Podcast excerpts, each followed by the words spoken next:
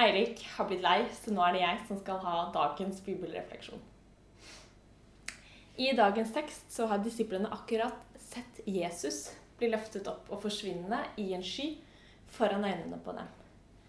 Han har gitt dem et løfte om at Den hellige ånd skal komme med kraft over dem. Men akkurat nå så lever de i et vakuum. I ventinga på noe som skal komme.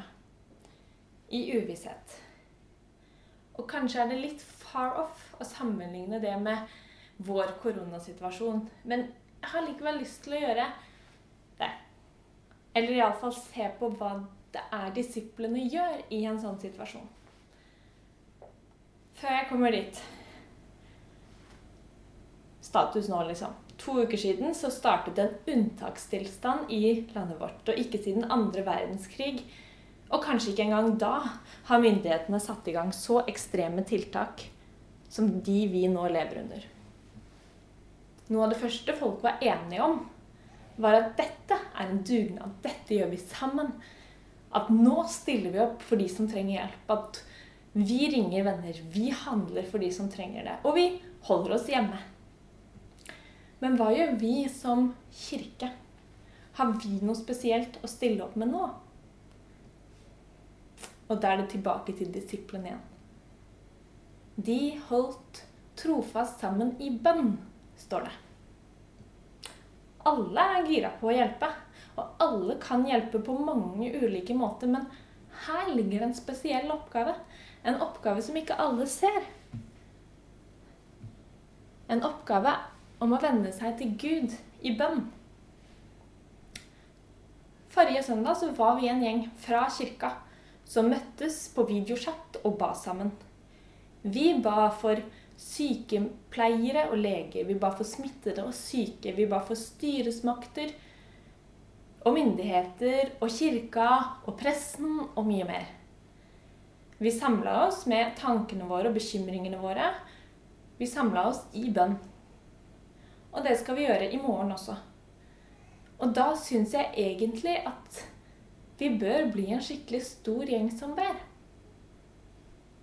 Kanskje tenker du at det er rart å be på videochat. Kanskje tenker du egentlig at det er rart med bønnemøte fra før av. Det er rart å be med andre.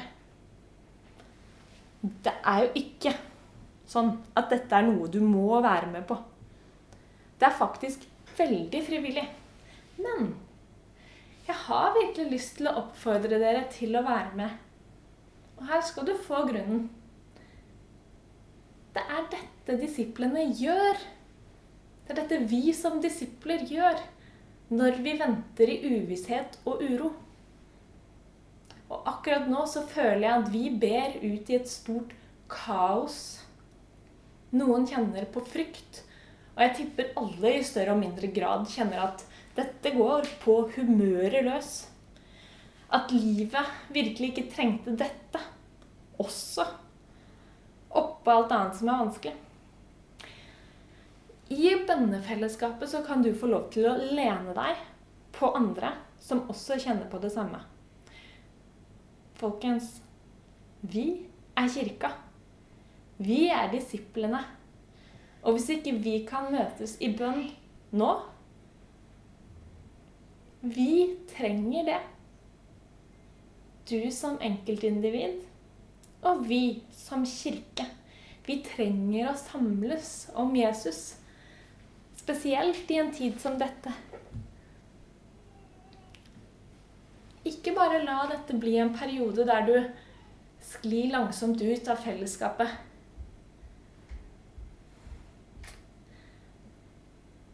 Forresten, om du tenker at det er en naiv ting å holde på med, så vil jeg bare si at jeg har heller ikke tro på at verden helbredes umiddelbart fra korona fordi vi ber.